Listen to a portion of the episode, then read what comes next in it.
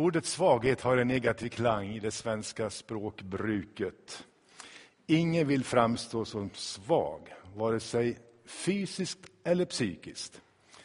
Och de kroppsideal som målar, målas upp för oss, inte minst i reklamen, handlar om unga, friska, vältränade, muskulösa, välformade kroppar. Gamla människor och handikappade människor förekommer aldrig i reklam eftersom de uttrycker på olika sätt någon form av svaghet. Om man i den kristna pressen också ibland gör reportage eh, från någon församling så är det alltid reportage som handlar om framgång i något avseende och som ska förstås ge oss eh, inspiration och uppmuntran, förstår jag. Men det handlar aldrig om en församling som är svag eller som är skör och som har tillbakagång. Det gör det inte. Om jag för jämförelsens skull får kalla sändebreven i Uppenbarelsebokens första kapitel där eh, till de sju församlingarna i mindre Asien, om jag får kalla det för församlingsreportage, som ju Jesus själv sätter sin diagnos på varje församling, så förhåller det sig väldigt annorlunda. Det är bara en församling som får odelat goda vittnesbörd och kommentarer, som får mest beröm. Det är den församling som Jesus talar om. Det står så här i, den, i, församlingen, eh, i budskapet till församlingen i Philadelphia, alltså, i Uppenbarelseboken 3 och 8. Så säger Jesus inledningsvis så här. Jag känner dina gärningar. Se, jag har låtit en dörr stå öppen för dig, en dörr som ingen kan stänga, ty din kraft är ringa. Och det, det säger han inte som ett negativt omdöme. Församlingen får omdömet om att vara svag utan att det på något sätt har en, med nedvärdering att göra. Jesus bara konstaterar, du är svag. Du har väldigt lite kraft. Jag vet det, säger Herren Jesus. Och det är precis som han liknar församlingen vid ett litet barn som står inför en stor port, ni vet, tung port, och försöker att öppna den, men har inte en chans att öppna den på grund av sin litenhet och portens storlek. Och så kommer äntligen någon vuxen fram och säger, Vänta, jag förstår, den här porten är alldeles för stor och tung för dig att öppna. Du är ju så liten och svag. Men jag ska öppna den åt dig och jag ska ställa den på vid gavel så att ingen ska kunna stänga den. Så säger ungefär Jesus till församlingen i Filadelfia. Jag har låtit en dörr stå öppen för dig, en dörr som ingen kan stänga, ty din kraft är ringa. Vågar jag påstå att du och jag oftare nog ändå känner oss svaga än vi gör starka. Är det en fel uppskattning? Och vi kanske skäms för det i så fall. En kristen borde väl känna sig stark och uppåt och framåt. Vi kanske tänker så. Därför känns det väldigt chockerande med den text som vi har läst, att en av de främsta apostlarna och den främsta av alla missionärer inte berömde sig av sin styrka, utan av sin svaghet. Och enligt den texten som, som eh, alltså handlar om Paulus, som efter sin omvändelse 14 år tidigare, de syner och uppenbarelser han hade haft i samband med sin uppenbarelse, vad jag förstår för att få en teologisk omskolning och, för, och, och, och, börja förstå att Gamla testamentens löften om Messias handlade ju faktiskt om Jesus som nu hade mött honom på Damaskusvägen efter sin död och uppståndelse. Säkert bidrog det till att göra honom till en av Nya testamentets, för att inte säga största teologer och främste författare. Men varför berömmer sig Paulus av sin svaghet? Och vad är det för svaghet han i så fall talar om? Han säger att han har fått en törntagg i köttet. Och det måste ju ha varit någonting, minst sagt, som har gjort väldigt ont. Och som hade med hans kropp att göra, en törntagg i köttet, någonting som gjorde ont i hans kropp, en fysisk, en påtaglig fysisk smärta. Exakt vad, det, exakt vad det var, det vet vi inte. Vi kan inte utläsa det av texten här. Och eh, det finns gissningar att det hade med hans ögonsjukdom att göra, att det var malaria, epilepsianfall, mal eh, migränanfall, vi vet inte. Och det är kanske bra, för då kanske man skulle kunna säga att ja, det där var bara Paulus som upplevde det där och inte vi andra. Det var specifikt för honom. Men det var inte det. Paulus var ingen stålman. Han var lika skör som oss alla. Och han kunde bli sjuk och han kunde bli kroppsligt svag. Precis som du och jag kan. Och när han skriver Galaterbrevet så, så talar han till och med om att när jag kom till er första gången så kom jag i kroppslig svaghet på ett sånt ögonfallande sätt att ni skulle kunna ha föraktat mig för min svaghets skull. Men Paulus upplever det som en Satans ängel som slår honom i ansiktet. Och det är uppenbart någonting som gör ont, håller på och slår mig. Alltså en ständigt återkommande, en ständigt pågående smärta, en, en kronisk smärta av något slag. Och nu vet vi att Guds fiende Satan har som strategi att angripa Guds tjänare och Guds folk överhuvudtaget för att om möjligt eh, få oss att bli bittra och få oss att avstå från att tjäna Gud. Det står ju också, som Paulus säger, vi strider inte mot kött och blod, mot människor, utan den kamp vi har att utkämpa är mot andevärldens furstar och väldigheter här i mörkret. Det är en ganska imponerande arsenal som ställs mot Guds församling. Vi har en andlig fiende, det är sant. Och som församling behöver vi därför, som Paulus också skriver i Efesierbrevet 6, ikläda oss hela Guds vapenrustning. Vi behöver göra det tillsammans, inte bara som individer, utan som församling, för att hålla stånd och skydda oss mot djävulens listiga angrepp. Paulus ser det alltså som om Gud har tillåtit det här. Det kom inte som en slump, den här mm, svagheten över hans liv, utan Gud tillät Satan att slå honom i ansiktet. Inte så att Gud orsakar själva lidandet, men att Gud tillät Satan att få betjäna Guds syften på det här sättet. Men Gud satte en gräns, som han alltid gör, för Satans verksamhet. Och bortom den gränsen kunde inte Satan åstadkomma någonting. Men han fick möjlighet att utöva det här av syften som Paulus så småningom skulle komma att förstå. Så egentligen fick till och med Satan betjäna Guds syften. Paulus beskriver svagheten både i fysiskt och psykiskt avseende som bestående också, som han säger i vers 10, av misshandel, av nöd, av förföljelse, av ångest och oro och ängslan. Det var en del av svaghetsupplevelsen. Om man backar ett kapitel där i andra Korinthierbrevet till elfte kapitlet så vet vi han, han ger en lång lista på de lidanden han har genomgått eller håller på att genomgå. Och han säger som ett kännetecken på att han är en äkta apostel, en sann apostel, ingen falsk apostel. Falska apostlar har inga ärr på ryggen.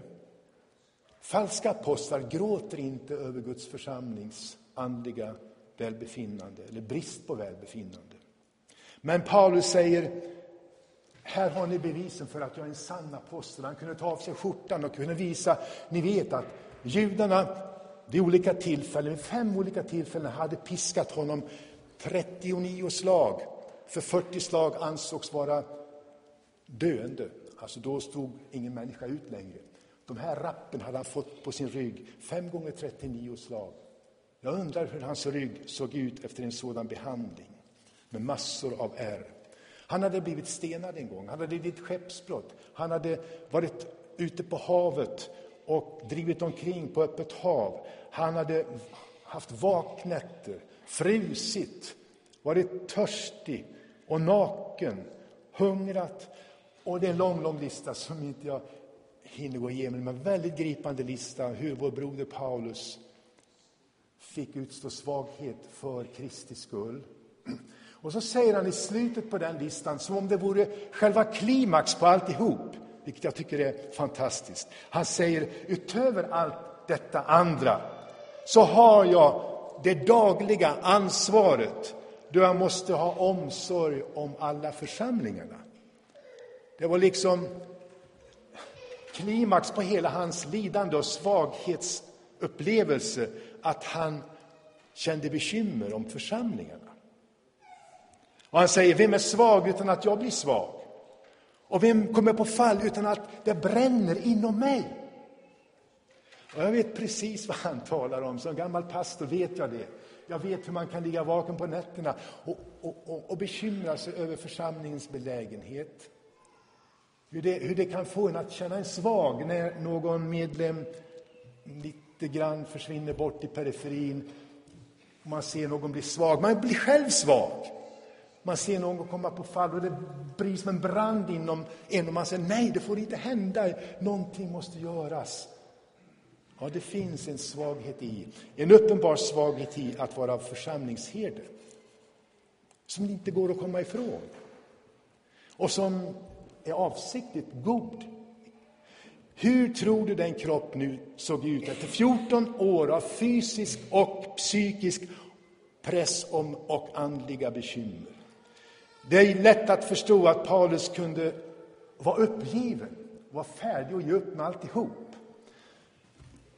Men så säger han, jag vill berömma mig om min svaghet. Jag vill glädja mig över min svaghet. Hur kunde han säga så? Det är inte att han är masochist av något slag och tycker att jag vill stolt bära mitt lidande. Inte alls. För han, när han först började drabbas av den här svagheten och de här kroppsliga symptomen så bad han, som vi alla gör när vi blir sjuka och svaga. Vi går i bön, käre gode Gud, ta bort det här ifrån mig. Såklart. Ta bort den här törntaggen ur min kropp. Låt mig få slippa smärtan. Men det var tyst. Det hjälpte inte. Så efter en tid så gick han i bön igen. Och det står med väldigt starka ordalag egentligen. Han vädjade till Herren. Kan du inte ta bort den här törntaggen ur mitt liv? Men det hände ingenting.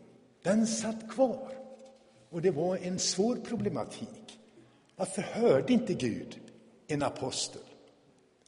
Så en tredje gång så bad han vädjande, Herre, kan du inte ta bort den här törntaggen ur mitt liv? Och så får han uppleva hur Herren, för han riktar sin bön till Herren Jesus, det är ganska intressant det också. Till den Herre som själv hade varit människa och upplevt såren, lidandet, svagheten till det yttersta i sitt eget liv, eller hur? Till den Herre som själv hade varit i bön där i ett semane, faktiskt tre gånger hade återkommit till den här bönen, om möjligt låt denna bägare gå ifrån mig. Men inte som jag vill, utan som du vill. Och så kommer de här, den här märkliga hälsningen till Paulus. Paulus, min nåd är nog för dig. Ty kraften fullkomnas i svaghet. Vad betyder detta? Ja, för det första betyder det ju att törntaggen satt kvar. Att Paulus inte fick bli av med sitt lidande, det fortsatte. Då undrar man ju lätt, hur kan Gud, en kärleksfull Gud, tillåta att hans främste tjänare på den tiden, kanske i ett så viktigt uppdrag, inte blir befriad från det som han tyckte hindrade honom att utföra sitt uppdrag? För Gud är ju starkare än Satans ängel, det är han ju. Så varför kunde inte Gud bara klippa till den där Satans ängel och så var man av med problematiken? Men nu börjar Paulus inse att det fanns ett syfte med hans lidande, speciellt mot bakgrunden av hans höga uppenbarelser och syner som lätt skulle kunna få honom att tro att han var någonting alldeles speciellt, han som hade fått de här uppenbarelserna. Och det skulle kunna resultera i stolthet och högmod och tro sig vara lite mer än andra. och i så fall samtidigt bli otjänlig för Guds syften. För det går inte att tjäna Gud samtidigt som man är stolt och högmodig. Det går inte. Utan ödmjukhet kan ingen människa tjäna Gud. Och det behöver inte vara syner och uppenbarelser som gör oss stolta i något avseende. Det finns så mycket annat som gör oss lite högmodiga i jämförelse med andra kanske. Jag tror till och med att en församling kan bli lite stursk, lite självgod, lite högmodig om man vågar uttrycka det så, utan att kanske veta om det. Jag tror till och med församlingen kan hamna i det diket av framgång. Man, man blir liksom hemmablind. Det går så bra. Här är inga problem. Här är inga svagheter som stör. Så var det med församlingen, en annan församling i, La, i mindre Asien som, som Jesus alltså sände de här breven till, Laodikea-församlingen, sa om sig själv, ja, vi är rika, oss fattas ingenting. Och så kommer Jesus med den sanna diagnosen och säger, du vet inte att just du är eländig, fattig, blind och naken. Att uppleva svaghet eller missmod i olika former, det är inte farligt. Det är inte farligt. Det kan vara nödvändigt. Det kan vara en god andlig medicin som vi faktiskt behöver. Triumfbågarna i Rom byggdes ju för att fira imperiets militära stora segrar. Men det sägs att när en kejsare återvände från slagfältet i ett segertåg och åkte genom Roms gator till invånarnas stora jubel, så fanns det i kejsarens vagn en slav som ständigt viskade i kejsarens öron. Kom ihåg att du är människa. Kom ihåg att du är människa. Kom ihåg att du bara är människa. Min nåd är nog för dig, Paulus. Min nåd är nog för dig. Och han fick stava på det där. Vad innebär då Guds nåd i det här avseendet? Ja, Guds nåd avser ju Guds obegränsade, gränslösa godhet mot oss, välvilja mot oss, utan att vi på något sätt har förtjänat det. Gud är alltså välvilligt inställd till oss. Hans nåd innebär att hans goda vilja sker med oss mitt i vår svaghet. Vår svaghet är inget problem för Gud. Hans välvilja är där. Hans godhet är där. Och den är, den är nog. Guds nåd är verksam i oss, mitt i vår svaghet och utgör på intet sätt något hinder för Gud. Tvärtom förhåller det sig faktiskt så att Guds nåd, att vår svaghet skapar utrymme för Guds nåd och för Guds kraft. Svaghet är inte detsamma som synd. Det finns svaghet och svaghetstillstånd som orsakats av avsteg från Guds vilja. Det gör det. Davids säger i den 31 salmen Min kraft är bruten genom min missgärning. Den sortens svaghet, svaghet är avsedd att föra oss tillbaka till korset och att ödmjukt vilja be om förlåtelse så att den formen av andliga kraft som synden har orsakat åter kan flöda. Det är en annan sak. Men Paulus törntag var inte orsakad av någon synd. Så när Herren sa min nåd är nog för dig så insåg Paulus att hans kroppsliga svaghet faktiskt tjänade ett gudomligt syfte. Nämligen att hålla honom ödmjuk. För utan ödmjukhet kan ingen tjäna Gud. Satan ville egentligen det rakt motsatta. Satan ville, att få honom, ville få honom bitter emot Gud. Ville få honom att säga nej, jag vill inte tjäna en sån Gud som tillåter sånt här i mitt liv. Medan Gud ville, av samma omständigheter, det rakt motsatta, åstadkomma ödmjukhet. Du ser, svagheten kan få oss antingen bittra eller ödmjuka. Det är mycket som står på spel. Men hur ska vi som församling kunna tjäna Gud mitt i vår svaghet? För visst upplever vi svaghet. Hur ska vi kunna tjäna Gud mitt i vårt missmod? För vi går igenom saker som jag tror gör oss svaga och missmodiga. Och som antingen kan leda till bitterhet eller ödmjukhet. Och här måste vi vara väldigt vaksamma och bistå varandra. Hur ska vi klara oss igenom svagheterna? Guds nåd är allt vi behöver. Guds nåd kommer att vara tillräckligt för oss. Ja, mer än tillräckligt. Det är som om du tänker en fisk som simmar omkring i den stora Atlanten. Och fisken undrar, jag undrar om det finns tillräckligt med vatten för mig här att, fiska, att, att simma omkring i. Och så är han mitt ute i Atlanten. Så är det med Guds nåd. Och du är en liten svag fisk.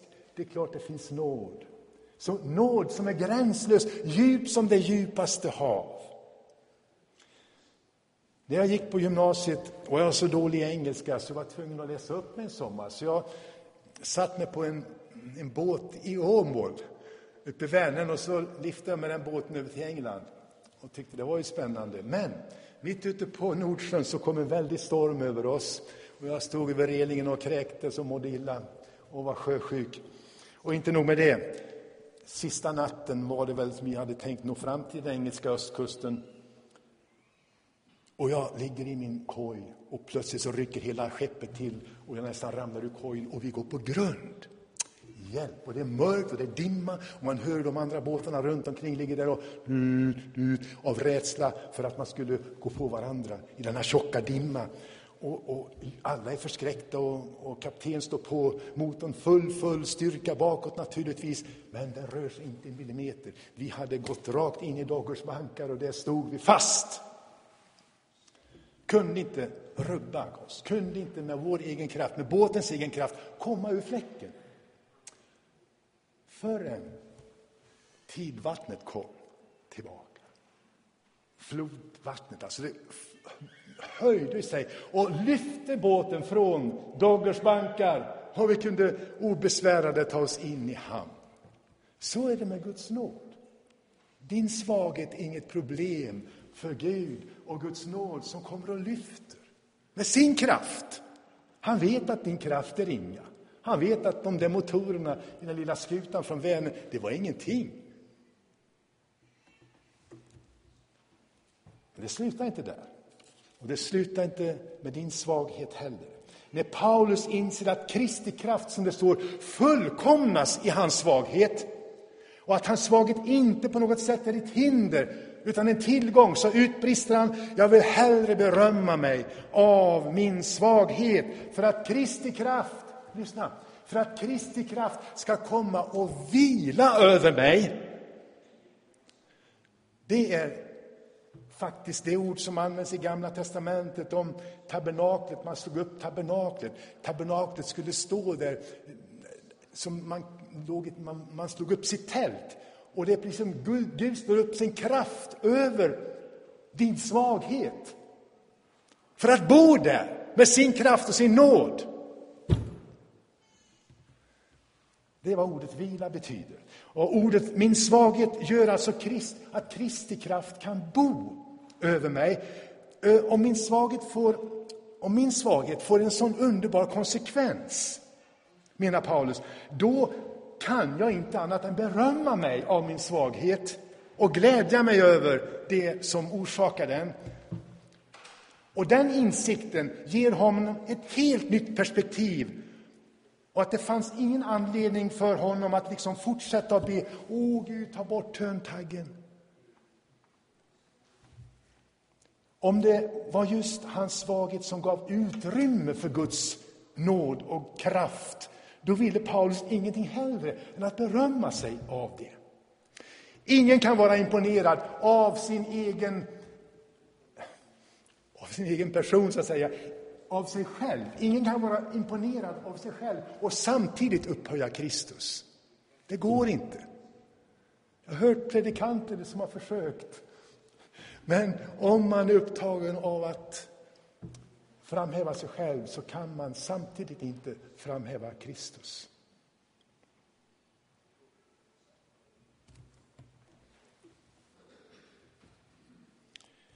Mänsklig svaghet och gudomlig kraft, det går bra tillsammans. Det funkar bra. Det är inte motpoler. Men mänsklig, svag, mänsklig styrka och Guds kraft, det är som två magnetpoler som studsar ifrån varandra.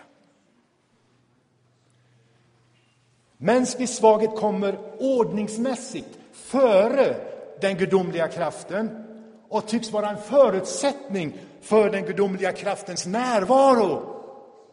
Först svaghet, sen kraft. Inte tvärtom.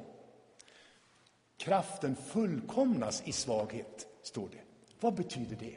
Jo, det betyder att kraften, Guds kraft, uppnår sitt avsedda mål och syfte. Inte i vår styrka, utan i vår svaghet. Så Guds kraft nästan liksom väntar på att svagheten ska finnas där så att kraften kan fullkomnas och uppnå sitt avsedda syfte. Så när Paulus började be om befrielse från sitt lidande så anade han inte att Gud kunde ha så oväntade syften med just hans tillstånd av svaghet. Och det är kanske lätt att tänka att det är alltid befrielse från det onda eller från det som besvärar oss på olika sätt. Att det är alltid befrielse som är den absolut bästa lösningen i alla avseenden. Och det enda sättet på vilket Gud kan bli ärad. Om du bara tog bort detta, Gud, du vet hur ärad du skulle bli. Om jag bara blir stark igen, då ska jag kunna tjäna dig, Herre. Så befria mig, Gud, och gör det så fort som möjligt. Så vi tycker den logiken är så självklar att vi blir frustrerade och besvikna när inte Gud följer den logiken. Kanske du befinner dig just där idag. Någon av oss, flera av oss, vi som församling. Du känner dig svag och nere och missmodig och trängd på grund av olika omständigheter. Det kan ha med din hälsa att göra. Det kan ha med problem och relationer att göra. Trötthet på grund av ålder, energikrävande sorgarbete, du vet listan är lång, som gör oss svaga. Och du känner dig kanske ställd åt sidan, eller liksom lagd på hyllan från Guds sida. Du är obrukbar, det är för att du är så svag. Och du känner dig, bara Gud griper in, då ska jag börja. Men om Gud säger nej då till din bön om befrielse, åtminstone för tillfället, kanske han gör det, då har du rätt att ta till dig under tiden samma hälsning som Paulus fick. Din, min nåd är dig nog, säger Herren. Tro på det. Guds nåd kommer att räcka för dig. Vår svaghet är inte ett tecken på att vi är uträknade, ställda åt sidan. Tvärtom är vi mycket användbara för Gud mitt i vår svaghet, ty hans kraft åstadkommer sina syften i vår svaghet. Låt oss som församling, och som vi har visat här idag genom Davids vittnesbörd, inte skämmas för våra svagheter. Tillåta oss att se våra svagheter. Vi är inte här för att imponera på varandra. Vi är här för att älska varandra. Och våra svagheter tror jag kan öka vår förmåga till empati och medkänsla på ett annat sätt än styrkan kan. Kan man gå så långt, undrar jag när jag satt med det här, att man säger att min svaghet, vår svaghet är en form av tillbedjan som, vi, som ett offer frambär till Gud när vi kommer samman. För det står i Romarbrevet 12 att vi ska frambära våra kroppar vare sig de är sjuka eller friska, svaga eller starka. Vi ska frambära våra kroppar ett, som ett heligt offer som behagar Gud. Det är vår andliga tempeltjänst, står det. Vill Gud ta emot min svaghet som ett offer? Det verkar så. Och det är vår prästerliga tjänst. Det är en gudstjänst. Tänk om det är så att din svaga kropp bidrar till församlingskroppens styrka. Tänk om det, om det är så. Att din svaghet bidrar mer till församlingens styrka än din styrka gör. Om du förstår vad jag tänker. När jag skulle åka ut till Indien en gång, och ett par månader, och jag var väldigt nervös och svag för den här resan och för allt, alla sammanhang jag skulle tala och så här. Hur ska jag göra? Jag ringde Britta. Britta låg jättesjuk i cancer. Så hon hade telefonluren alldeles vid örat ifall någon skulle ringa. Hon kunde inte ens ta upp den och svara. Så svag var hon. Så ringde jag Britta. Britta, ja, kan du hjälpa mig? Vad, vad kan jag göra? Jo, du vet, jag ska åka till Indien, jag känner mig så svag. Skulle du vilja be för mig? Jag är borta och jag gav en lite schema. Så, Åh, varje dag, du jag kan inte sova på nätterna, jag kommer att be för dig dag och natt. Vad tror du var hemligheten till att Gud bar mig och hjälpte mig i min svaghet, i min tjänst? Britta hemma i Göteborg, bodde i Olskroken. Sen dog hon. Är Gud intresserad av din svaghet? Kan din svaghet tala till Gud? Jag besväras av en kronisk smärta, väldigt besvärlig värk, som jag tycker hindrar mig att göra mycket av det jag skulle vilja göra och borde göra. Inte minst när det gäller att be, kan du tänka dig. Men vet du vad jag har kommit på? Jag kanske har fel. Jag har kommit fram till att när verken är svår och jag lägger mig på golvet och jag orkar inte be. Och så säger jag, nu får du be, säger jag till verken. Nu får verken be till Gud. Och då är det väldigt mycket be, väldigt mycket bön plötsligt, eller, eller hur? Förstår du? För verken är ju intensiv och bönen blir lika intensiv. Men det står ju så här, han ger akt på våra tårar. Han, han samlar dem i en läger när vi gråter. Han för statistik över våra tårar, som om de vore ett mäktigt bönspråk inför Gud. Skulle då inte våra verkande, trasiga kroppar också kunna vara en bön inför Gud? När du inte själv orkar be, låt din svaga kropp fortsätta att be och sköta den detaljen. Ingen detalj, det är en viktig sak.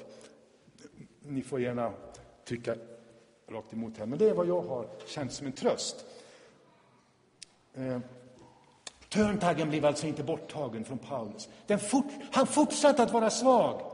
Men när han insåg att det innebar att Guds kraft skulle vila över honom och hans svaghet var för Kristi skull, då är hans slutsats, när jag är svag, då är jag stark.